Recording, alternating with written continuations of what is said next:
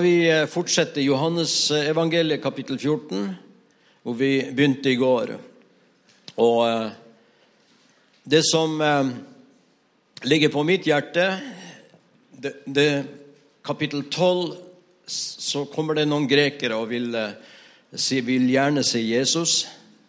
Jesus hadde vært velvillig ved kriser og stilt opp når det var lite mat og bryllupet gikk i stå. Men står det 'men'. Jesus sa hvis ikke hvetekornet faller til jorden og dør, blir det bare det ene korn. Men dersom det dør, bærer det megen frukt. Så ut fra det verset så ser vi at Jesus han kommer til å åpenbare seg på en ny måte. Gjennom død, oppstandelse, himmelfarten og åndens komme skal han multipliseres. Så det handler om vår identitet, at eh, vi trenger å se hvem vi egentlig er. Johannes 14, vers 2 og 3. I min fars hus er det mange rom. Var det ikke så, hadde jeg sagt dere det. For jeg går bort for å berede dere et sted. Eh, og når jeg har gått bort og beredt dere et sted, kommer jeg igjen og vil ta dere til meg, for at også dere skal være der jeg er. Når jeg var nyfrelst Jeg kommer såkalt fra verden, så jeg har ingen kristen bakgrunn. Men ble frelst i 1974. Og når jeg leste sånne vers og gikk på møter i, i min hjemmeforsamling i Tønsberg, så var jeg etter kort tid blitt det vi kaller dispensasjonalist. Om, er det noen som har det, ikke har hørt det ordet før? Dispensasjonalist det er det som stort sett alle er. Hvis du ikke er noe annet. Så en dispensasjonalist er det tradisjonelle synet. Så når jeg leste det verset, så tenkte vi jo Jesus skulle dra nå til himmelen. Han hadde vært sammen med dem i tre kanskje tre og et halvt år og skulle gå til himmelen. og Der skulle han bygge et hus. Og når det var ferdig, så skulle vi bortrykkes før vedermørjan. Er det det det heter på svensk? Mødan? Ja, OK. Ursäkta. Jeg husker jeg skulle ha møte oppe i Pito en gang for en del år siden. og Da tenkte jeg, eh, for at han skulle forstå meg, så jeg lærte meg noen Jeg sa eh, 'O er hørt', sa jeg i hver tredje setning. og 'fruktansvær'. ja, og alle trodde jeg kunne svensk. ja, amen. Men eh, altså skulle, Dette var plankekjøring. Dette var ikke noe problem. Jesus skulle bygge et hus. Det var ferdig, skulle vi bortrykke, så vi slapp denne eh, trengselen. Og så skulle vi komme ned med han etter trengselen på jorden. Men når vi leser Johannes 16, så var det ikke så enkelt, dette her Jesus snakker om for disiplene. Nå skal jeg ta det med ro her, så alle kan følge med. Så i vers 16 så sier Jesus en liten stund 'Dere ser meg ikke lenger'. Han, var, han skulle snart forlate dem. Og Det var ikke noe problem, det skjønte de. Men så sier han i vers 16.: Og atter om en liten stund skal dere se meg igjen. Så den tidsperspektivet, at det var 2000 år nå han jobba på det huset Så disiplene sier her vi skjønner ikke hva han snakker om. Hvis du leser nå i vers 16-19, så står det åtte ganger en liten stund, og dere ser meg ikke, og atter en liten stund skal dere se meg. Så dette med tidsperspektivet krasja. Så da begynte jeg å se sammenhengen. Hva handler kapittel 12 til 17 om? Og Det er et ord som går igjen hele tida. Det er at VTK, eller herliggjørelsen av Jesus, multiplikasjon av livet. Gjennom død hadde han berga sitt liv, hadde bare blitt det ene kornet. Så vi skal kikke litt på Faderhuset, hva dette er for noe. hva slags... Og så skal han, skal han komme tilbake og ta oss der hvor han er. Han skulle berede et sted så vi kan være der han er. Hva handler det om? Når vi går til begynnelsen av Bibelen, så ser vi helt fra begynnelsen, fra Mosebøkene, at Gud lengter etter å bo på jorden.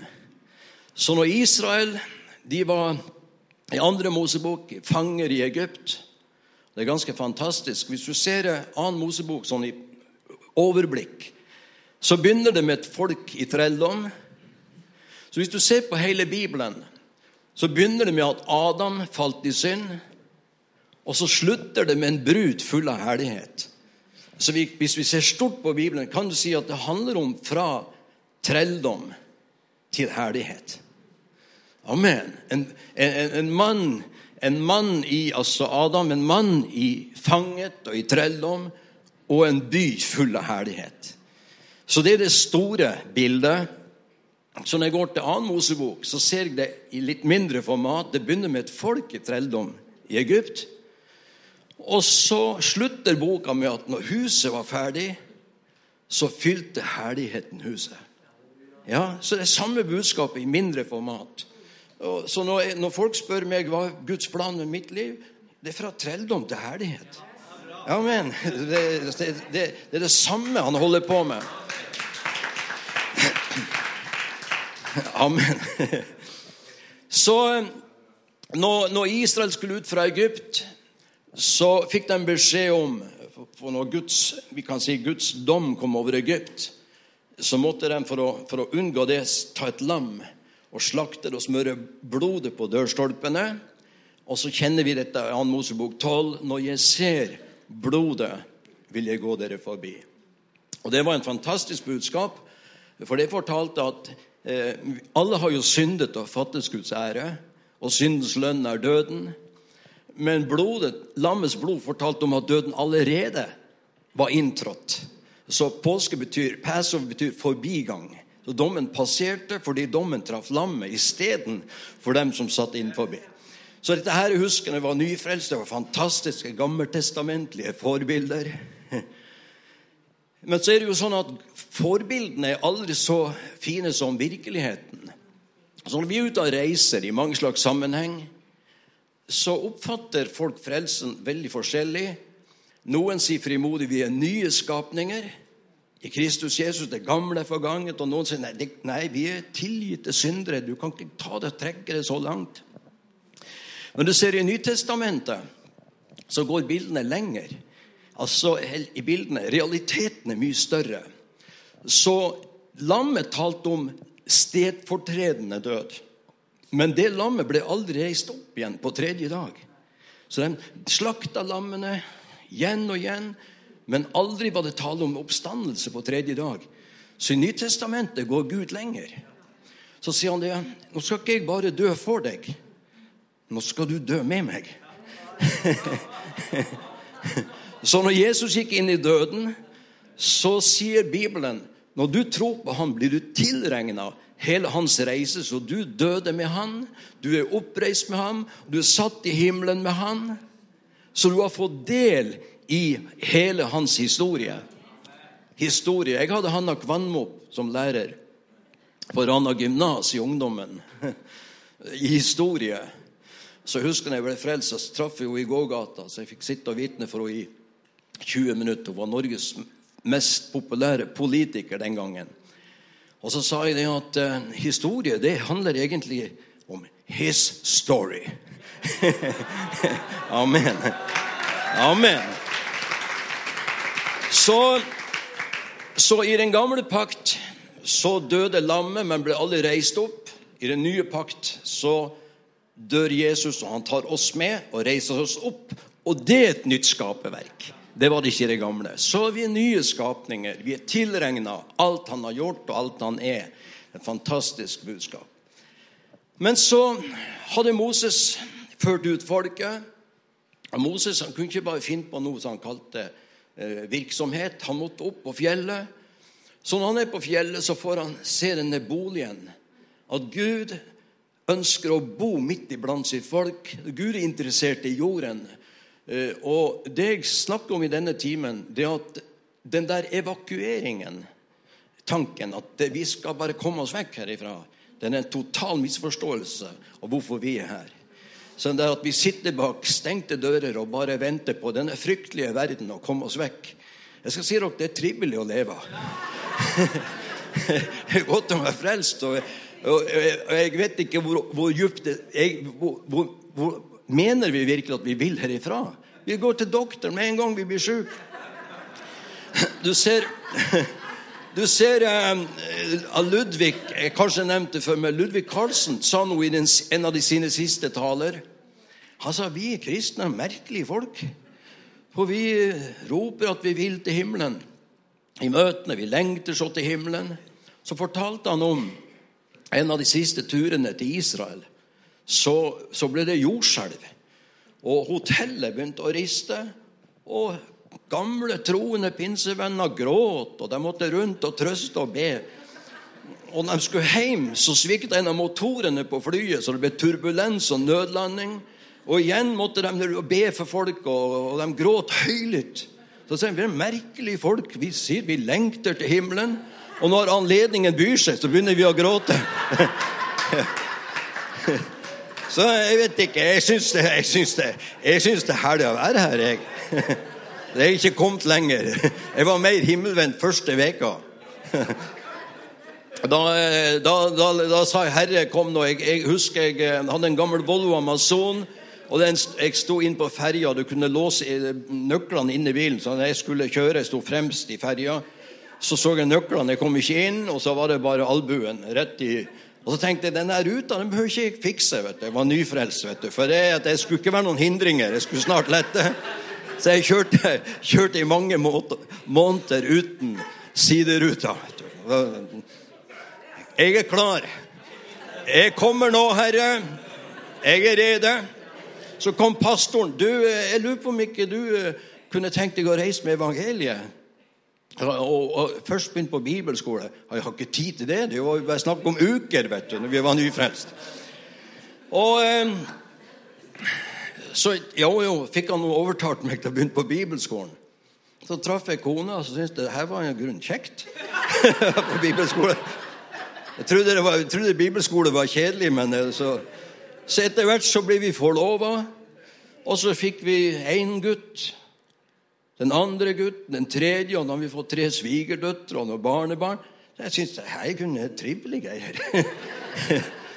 så eh, vi kommer tidsnok til himmelen. Det blir fantastisk. Men eh, Gud har en plan nå. Så når Moses var på fjellet, fikk han se at Gud lengtet etter å bo på jorden. Og så måtte han gjøre i ett og alt og bygde huset. Og når det var ferdig, kom herligheten og fylte huset. Det betyr at Guds nærvær bodde, bod, bodde i tabernaklet. Hans herlighetsskyen fylte huset. Og så ser vi ut gjennom Israels historie. Salamo begynner å få tanker, og, og David først. Og så bygger de tempelet. Og det samme skjer når det var ferdig. Først kom arken på plass. Så kom herligheten, og Jesus i sentrum. Han ble plassert midt i det aller helligste. Så fylte herligheten huset. Men så står det noe underlig når du leser Gammeltestamentet, at, at uh, Salamo når han så herligheten fylle huset, så begynte han Mon Gud bor i sånne hus. Og så kommer Jesaja-boken, det siste kapitlet. Og så står det at Herrens hus Herren spør hva slags hus skal dere bygge meg? For jorden er bare en sånn fotskammel som han har. Så Herren var mye større. Det er ingen jordiske hus. Det var bilder av noe større som var på vei. Så sier han det hus som han ville bo i. Ja, altså, I det høye og det hellige bor jeg, og hos den som har et sønderknust hjerte og en sønderbrutt ånd. Så Gud, det eneste stedet på jorden Gud kan bo i som er stort nok, er et rensa hjerte. Så Gud bodde i fysiske templer i Gammeltestamentet, men det var ikke hans. Det var bilder av noe større som var på vei. Så når Stefanus taler i sin ut vet, hele Israels historie, apostelgjerningene sju. De lytter interessant til helt til han kom til et punkt. Og det er at Gud bor ikke i hus som er gjort med hender. Så Den gamle testamentet ga bud om at det skulle komme en bygning. Messias skulle bygge et hus hvor herligheten skulle være evinnelig. Hvis du ser på Zakaria Jeg skal bare nevne ett vers i Gammeltestamentet, i Zakaria-boken, en Messias-profeti. Zakaria, det sjette kapittel, og vers 12 og 13. så står det sånn Så sier Herren her skarenes Gud. Det skal komme en mann som heter Spire, det er Messias. Og han skal spire frem fra sin rot, og han skal bygge Herrens tempel. Ja, han skal bygge Herrens tempel, og han skal vinne herlighet og sitte og herske på sin kongetrone. Og han skal være prest der han sitter på sin trone, og fredsråd skal være over dem begge. Når jeg leste mine dispensasjonalistiske bøker, så fortalte de meg at når menighetens tid var over, skulle den fjernes fra Johannes 14, 2 og 3. Og så kom det en stor syvårig trengsel over jorda. Og når den var over, kom Jesus ned med menigheten, og så skulle han opprette tusenårige riket. Og så skulle han bygge tempelet ned i Jerusalem, og at dette var en profeti om det tempelet. Og Hva er problemet med denne profetien og det tempelet? Så Hvis du leser vers 13, så står det det at i det tempelet så skal Herren sitte på sin kongetrone, og han skal være prest til evig tid. Jeg vet ikke om dere ser at det er et problem her. Og hva er problemet? Jo, det er at Hebreerne 8, vers 4 og 5, taler om at hvis Jesus var på jorden, var han ikke prest. For han var av Judas stamme, og prestene var av Levis stamme. Så den profetien kan umulig være et jordisk tempel. Er dere her ennå? Ja? Var han på jorden, var han ikke prest. For det var et levit. Han tilhørte en annen stamme. Så hva slags tempel er dette? Jo, det var en annen profeti. Og Salme 110 så tales det om at han skulle være konge og prest etter Melkisedeks vis. Og det hadde ingenting med den gamle pakt å gjøre. I den gamle pakt så kom alle kongene fra Juda, skulle gjøre det, og alle kongene, eh, prestene fra Levi. Men her er de forbundet i Messias, begge embetene. Og Messias, det var etter Melkisedeks vis. Og det har sin oppfyllelse i Kristus på tronen. Hebreerne 5-7 sier igjen og igjen at han som er på tronen, er prest og konge etter Melkisedeks vis. Så oppfyllelsen av det tempelet er du og jeg. Amen. Gud, så når Stefanus taler Gud bor ikke i hus som er gjort med hender. De hører på han helt til han kommer dit. Og da krasjer det. Så de tar livet av Stefanus. Fordi han tok fra dem disse fysiske forventninger. De skjønte ikke åndelige ting. De hadde ikke åndens opplatte øyne, så de så inn i den åndelige dimensjonen. Og det er forklaringen. Dette er jo underlig. Men tenk at Israel i 1500 år hadde lært utenat fra Gammeltestamentet om han som skulle komme. Og så sier døperen Johannes, midt blant dere står en dere ikke kjenner. Og hva var det som krasja? Fariseerne, skriftlærde, forventa Messias. De talte om Messias skulle komme. De, de, Paulus talte om loven og profeten. Han forkynte ikke noe annet. Hvorfor ble det ikke full sammensmeltning mellom Paulus og Jesus på den ene sida og fariseerne og de skriftene. Alle ville Guds ord, alle ville Guds plan. Og de talte om gammeltestamentlige løfter. alle ville det. Hvorfor ble det krasj? Hvorfor tok de livet av dem når de ville det samme? Jo, fordi de så det at Messias kom ikke for å bygge et naturlig rike, men for å dø og bringe det gamle riket til endes og stå opp og bygge et nytt rike som er evig, og som er Kristus i oss, håpet om herlighet. Halleluja. Priset være Herren. Derfor de tok gjennom sin forkynnelse Jesus, ble det konfrontasjon og Paulus hele veien. Enda de sa vi forkynner ikke noe annet. De sier en forsvarstale. Vi forkynner ikke noe annet enn det Moses og loven sa. Amen. Men det som krasja, var det at de trodde at dette riket var et nasjonalt rike. Fariseerne og skriftlærerne trodde Messias skulle kjøre reprise på David og Salamo og Israels storhet. Men det skulle være stort på en annen måte. Han skulle komme og bringe til endes. Vi tenker nesten bare vår egen personlige frelse.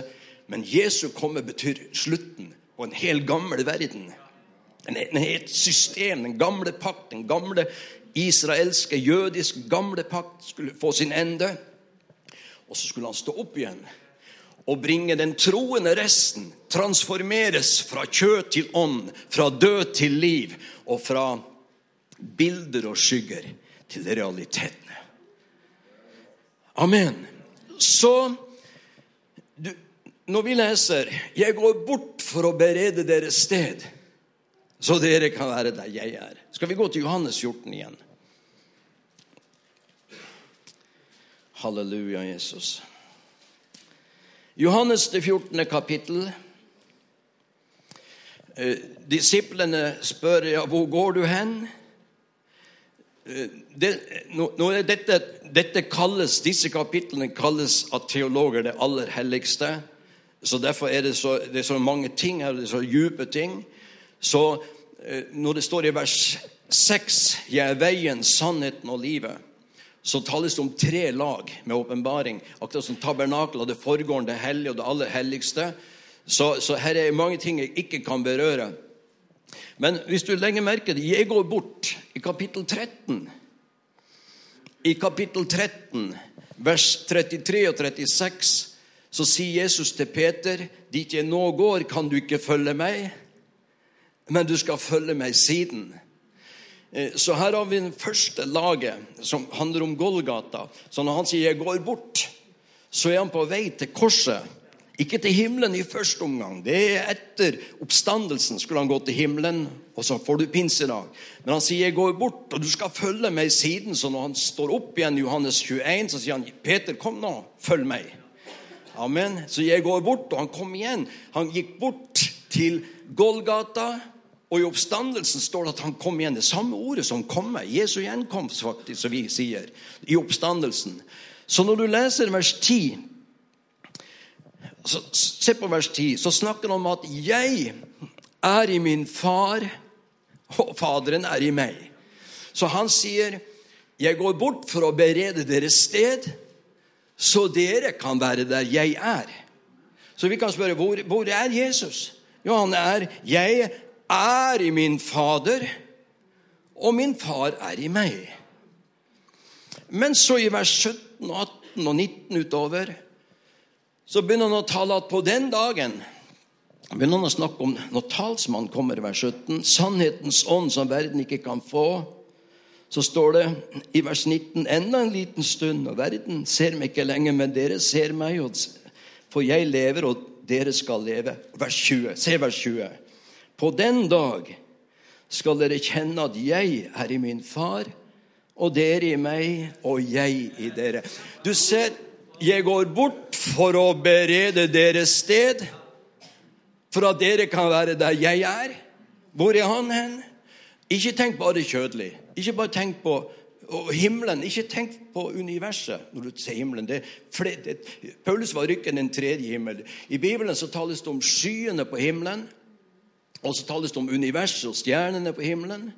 Men Paulus ble rykket i en tredje himmel, den åndelige himmel, Guds himmel. Så ikke tenk fysiske ting. Dette, dette var før det fysiske skaperverket. Guds himmel. Så han sier, 'Jeg går bort for å berede deres sted, så dere kan være der jeg er.' Og hvor er han? Jo, han var i full forening med Faderen. Så gjennom min død på Golgata skal alt som står imellom, fjernes. Og så kommer jeg ved Ånden for å bringe dere inn i Faderen og inn i meg, så vi er inkludert i, i, i forholdet. På den dag skal dere kjenne at jeg er min far, og min far i meg, og dere i meg. Jeg går bort for å berede deres sted, så dere kan være der jeg er. Halleluja. Amen. Så når han snakker om vi vil gjerne se Jesus. Hvor skal de se han hen? Dere i meg, jeg i dere. Halleluja. Jesus er multiplisert. Jeg husker i gamle dager så tok vi opp talene på kassett. Og når vi tok opp talene, så hadde, vi, så hadde jeg en sånn kopieringsmaskin. Svein Erik, jeg vet ikke hvor mange hundre du har av de kassettene. Du hekta på når du var nyfrelst. Så hadde vi en eh, original som vi kalte mastertape. Og så var det en kopieringsmaskin, og så sto det 'master', og så kalte disse andre tre slaver. Og Det var tre tomkassetter. Så når du da kopierte, så ble innholdet på den første ble transportert formidla over på kopiene.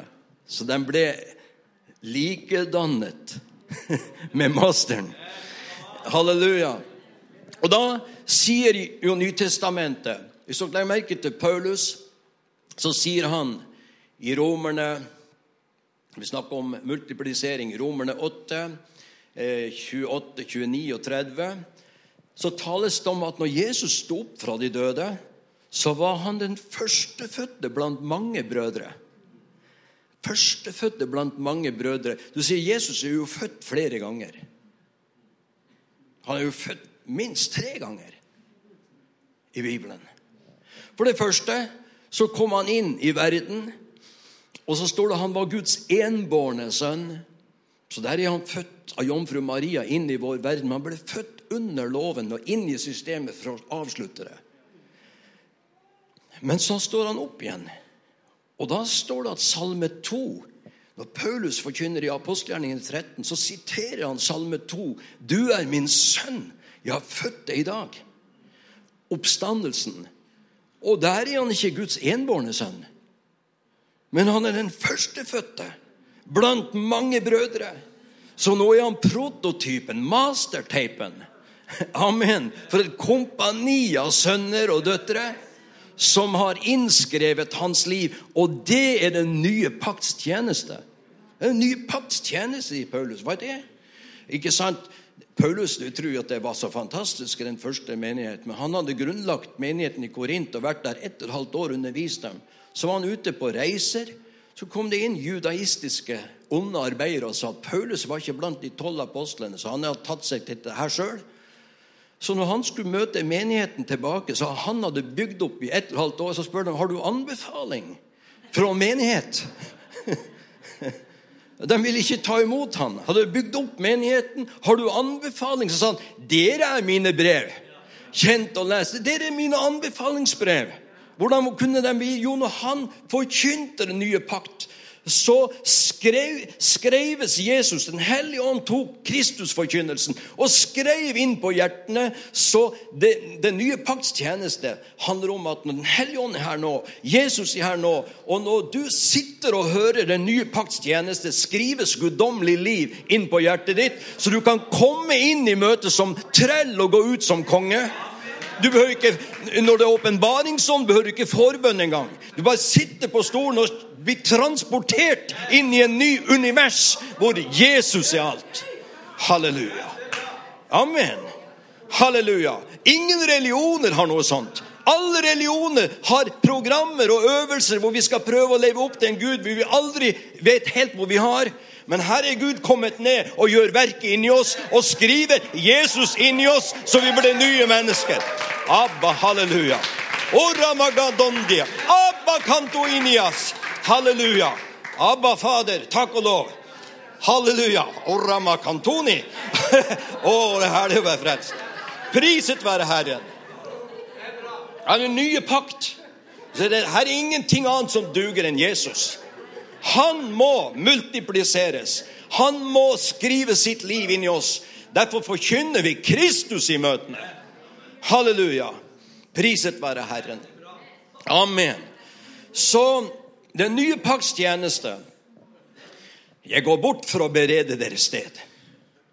Hva er det for noe? Det er ikke fysisk fjerne menigheten og evakueres så vi sitter livredd. Det er en transport fra den dette, dette, De tilhørte den gamle pakt. En transport ut av den gamle pakt og inn i den nye pakt. Priset være Herren. En overføring fra det jordiske til det himmelske riket. Amen. Du ser, hvis vi leser litt multiplikasjon av Jesus Hvis du leser nå Johannes 17 Jeg ser på det siste verset i kapittel 16. Vi, denne evakueringstanken helt fjern. Gud, Gud ønsker å erobre jorden. Amen. Han ønsker at du skal ha en effekt. Du, du har en visjon her. Du skal ikke sitte hele livet og vente på bussen. Amen. Det er kjedelig. Jeg er utålmodig. Vent, venting, Tida går seint når du venter. Så vi skulle, vi skulle holde på her i 80 år og vente bare på noe som Og så, så er vi transportert inn i det og vært der hele tida. Se på kapittel 16, 33. Eh, dette har jeg talt til dere, for at dere skal ha fred i meg. I verden har dere trengsel, men vær frimodig, har overvunnet verden. Så du, du, må ha, du, må ha, syn på at det du har, og den du er, har innvirkning på omgivelsene dine. Guds rike, et seirende rike. Og Hvis du nå ser kapittel 17, vers 15 Når du tenker på evakueringstanken, helt fjern fra Jesus Han skapte jorden for mennesker. Amen. Og det vi er her for, det er at Guds rike skal bryte mørkets rike. Og det som er så fantastisk, at når du tenner lys Du ser, du behøver ikke kave. Du behøver bare være ett med Jesus. Bare senk skuldrene, slapp av og være sammen med Jesus. Så ber Jesus. Jeg ber ikke at du skal ta dem ut av verden, men du skal bevare dem fra det vonde. Så han ber ikke om evakuering. Han ber om det motsatte. Og derfor er vi her. Han fikk bønnesvar. Men store deler av kristenheten sitter apatisk. Bak lukkede dører, akkurat som disiplene før Den hellige ånd kom. Så satt de av frykt for jødene var isolert og redd. Bare trodde dette her er en verdens jammerdal. Jeg skal si deg, Denne verden blir mye bedre og bedre jo mer Guds rike går fram. Folk sier det var så, alt var så fantastisk før. Vet dere, Forrige generasjon som vokste opp, de hadde ofte syv, åtte, ti barn. For de mista to og tre barn i hver familie. Det var sykdommer som i dag er utrydda, som tok liv i hver eneste familie i vårt land. Så hvilken, hvilken tid du som syns det var så godt før, hvilken tid ønsker du, hvilket årstall ville du tilbake til? Ja, Hvilken tid var så fantastisk? Det er mye rikere i dag minneslivet i Norge enn det var på vikingtida. Amen. Amen. Det er Guds rike. Det er sånn et to skritt fram, og så kan det være noen eh, ett skritt tilbake. Men i det store, i, i det store bildet så er Guds rike gått fram. Og det er store deler av verden i dag som har besøkelsestider. Selv om ikke Europa akkurat har det nå, så, så ennå er det slutt, priser Gud. Så Gud ønsker ikke å evakuere oss. Du skulle ikke sitte med frykt. Du skulle bli bevisst hvem du er. Du er, en, du er kristen. Altså Romerne 8, hør nå. Likedannet, dem som han forut kjente, har han forutbestemt til å bli likedannet med hans sønns bilde. Halleluja. Og så står det at i Korinterbrev, i 2. Korinterbrev så står det at vi skuer kapittel 3, 18, Herrens herlighet som i et speil.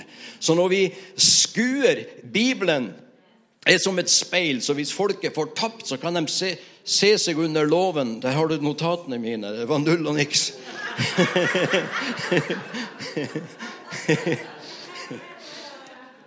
Du ser, mange, Når mange ser seg i Bibelen, så ser de seg under loven og ser seg hvor fælt det er.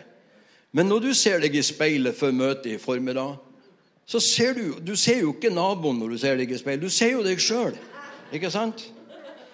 Og når vi skuer inn i den nye pakt Hva er den nye pakt? Det er så revolusjonerende. Og det at alt det du ikke kan få til i løpet av 80-90 år med øvelser og religiøse øvelser Alt det du ikke kan oppnå med all din anstrengelse, gis deg fritt. I ett nu har du alt. Alt han som er på tronen, har gjort, og alt han er, er Guds gave til oss. I alle religioner er det øvelser, anstrengelser, og når du har holdt på hele livet, har du oppnådd noe som helst annet enn fordømmelse. Og her kommer Jesus inn på arenaen. Så avvikler han det systemet. Den fremste religionen i menneskeheten har vist at veien er ikke åpen, veien er ikke farbar. Så kommer Jesus i et nu. Så han, alt er ferdig. Så vi som er født på ny og frelst, vi skal ikke til himmelen når reisen er slutt. Vi, vi er i mål fra begynnelsen. vi, er, vi er døde med han, oppreist med ham og satt i himmelske med ham.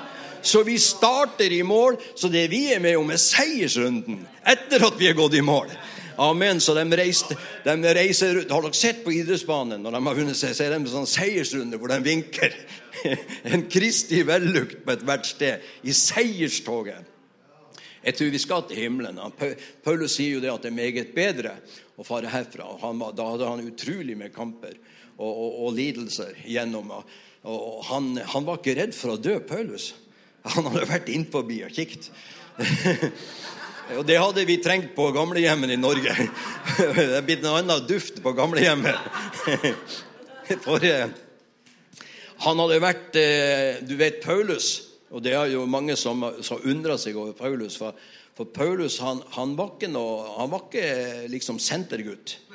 Eh, han var, han var topp politiker. Han var den fremste blant teologene etter sin Han var den fremste i Israel, et, et, altså i, blant jøder, i sin aldersgruppe. Og så har teologer og kritiske forskere sagt at det med Paulus er ubegripelig. At han som hadde en sånn lovende karriere foran seg, gir slipp på alt og velger 35 år i livsfare. Hvordan kan det være mulig? Jo, fordi han hadde sett i bak forhenget. Hadde vært inne og sett. Og da snuddes hele verdiskalaen opp ned. Så sa han for meg er livet Kristus og døden en vinning. Halleluja, sa han. så døden rett inn i hvithøyet. Han var ikke redd i det hele tatt. Priset være Herren. Så jeg går bort for å berede deres sted, for at dere skal være der jeg er. Hvor var han? Jeg er i Faderen. Men når Ånden kom, sier han, jeg er Faderen, Faderen i meg, men dere i meg. Amen. Priset være Herren. Så den ble rykka ut av den gamle paktsammenheng og inn i relasjonen mellom Faderen og Sønnen. Amen. Halleluja, vi tilber deg. Takk skal du ha, Jesus, at uh, du har multipliert det blitt mange rom. Før Golgata hadde du bare ett rom som du kunne bo i fullt ut. Ordet ble kjød og tabernaklet seg. Men gjennom døde oppstandelse er du multiplisert. Takk at det er mange rom her i formiddag, Herre. Vi lover ditt navn. Takk skal du ha for vidunderlig å tilhøre deg, Herre. Så hjelp oss å fatte dette, åpne våre øyne så vi kan fatte dette større, Herre. Og så har du en finale hvor kroppen vår som et forheng skal fjernes, så vi ser inn i den fulle herlighet. Herre, vi tilber deg at ennå er det i slutt. Priser Gud. Amen. Fantastisk.